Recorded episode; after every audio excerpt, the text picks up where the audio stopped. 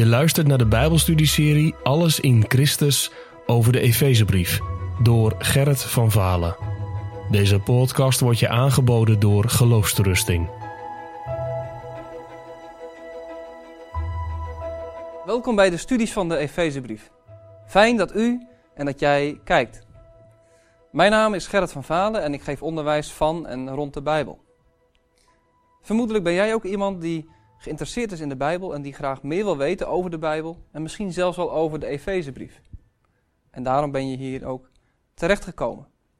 In deze introvideo wil ik graag wat meer inleidende dingen zeggen voordat we werkelijk met de studies de Efezebrief induiken. Als je de studies als de hoofdstukken van een boek zou kunnen zien, zie dit, al, zie dit dan als het woord vooraf. Allereerst iets over de lengte en, en kort iets over het karakter van de studies. Het zullen in totaal zo'n 11 à 12 video's zijn, waarbij we door de Efezebrief heen gaan en per keer ongeveer een half hoofdstuk met elkaar willen bekijken. De lengte van de video's zal dan zijn tussen 5 à 10 minuten. Niet al te lang natuurlijk, want het worden geen hele Bijbellezingen. De bedoeling daarvan, van deze studies, is tweeledig. Het karakter is ook tweeledig. Allereerst is het informatief en het is ook meditatief.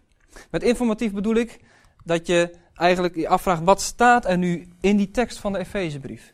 Wat betekent het? En daarbij zal ik dan de belangrijkste hoofdpunten van het gedeelte langslopen. En ook voor jullie proberen eruit te halen wat het nu werkelijk te betekenen heeft, de interpretatie. Maar daarmee is het nog niet echt een Bijbelstudie die tot je hart komt. Daarbij is het ook nodig dat het meditatief wordt, dat je het gedeelte ook tot je hart laat spreken. Zo heeft de Efezebrief eerst tot mijn hart gesproken. En dat hoop ik dan ook, die indrukken die ik heb gekregen, aan jullie door te geven via deze studies. Daarbij is het denk ik belangrijk dat je eerst zelf het gedeelte leest.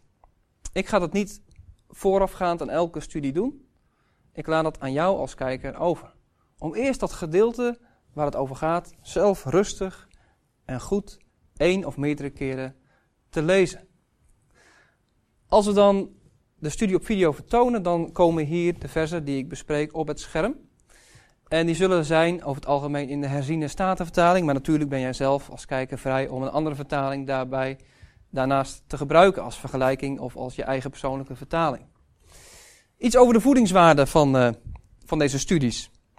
En daarmee bedoel, bedoel ik natuurlijk niet de letterlijke voedingswaarde, maar de geestelijke voedingswaarde. Je moet het eigenlijk zien als aperitiefjes, als voorafjes, als appetizers, die je hongerig maken om zelf meer van Gods woord tot je te nemen, om zelf ook gevoed te worden. Ik wil en ik kan ook niet een vervanging bieden voor jouw omgang met Gods woord, maar ik wil je wel daarbij helpen om dieper en dieper te graven en meer en meer te weten te komen uit dat prachtige en rijke woord van God. Dat zegt ook iets gelijk over de beperkingen. Als je zegt een aperitiefje, dan zeg je niet een volledige maaltijd, geen drie of vijf gangen diner. De beperking is dat ik niet een hele bijbellezing houd van een uur lang en dat ik daarbij alle aspecten van de tekst voor je neerstal. De beperking is dat ik maar de belangrijkste versen eruit kan halen en sommige versen dus ook laat liggen. Misschien wel juist dat vers of die versen die jij het meest interessant vindt. Een andere beperking is ook dat ik, zelfs als ik een bepaalde keuze maak voor een interpretatie van een bepaalde tekst, dat ik dat niet helemaal uit ga leggen hoe ik daartoe gekomen ben. Natuurlijk staat het je vrij om als je meer wil weten over een bepaald vers of een bepaalde interpretatie, dat je mij daarover kan mailen via geloofstoerusting. Dan over, het manier, over de manier van gebruik. Hoe komen deze video's, deze studies nu werkelijk tot hun recht? Hoe kun je ze nu goed gebruiken? Nou, dat kun je natuurlijk doen even zo tussendoor, tijdens de afwas, uh, tijdens het werk, als afleiding voor een drukke tentamenweek. Maar dat bedoel ik eigenlijk niet. Ik bedoel vooral in deze contexten van gebruik dat de studies tot hun recht komen. Bijvoorbeeld bij je stille tijd als je dat houdt, s morgens of s avonds of op een ander moment, dat je even het woord van God erbij pakt, dat je het gedeelte leest en daarna zou je het filmpje kunnen kijken en vervolgens zou je gevoed door informatie en door meditatie uh, in gebed kunnen gaan. Dat is individueel, maar dat kan natuurlijk ook heel mooi als groep, als bijbelkring. Wanneer je bijvoorbeeld een bijbelkring over de Efezebrief doet, dat je aan de hand van deze video's zeg maar samen naar het woord van God gaat kijken.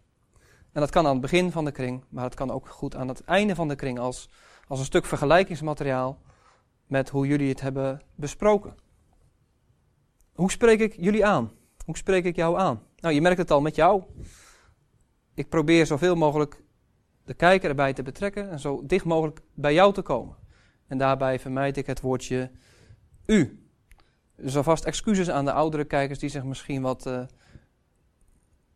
op een gemakkelijke manier voelen aangesproken, maar zo gaat het in deze tijd.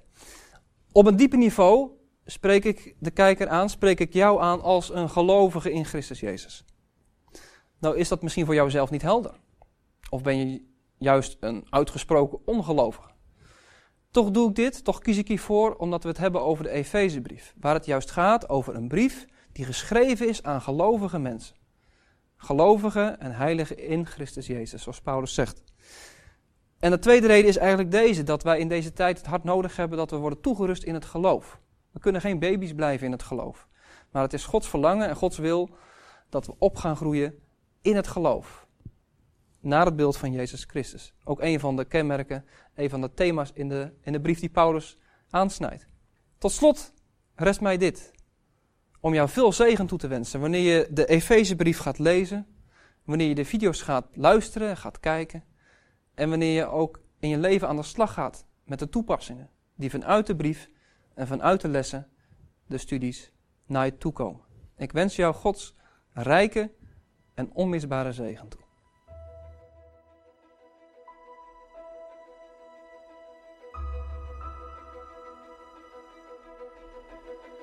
Je luisterde naar een podcast van Geloofsterusting. Wil je meer luisteren, lezen of bekijken? Steun dan onze missie en ga naar de website geloofsterusting.nl.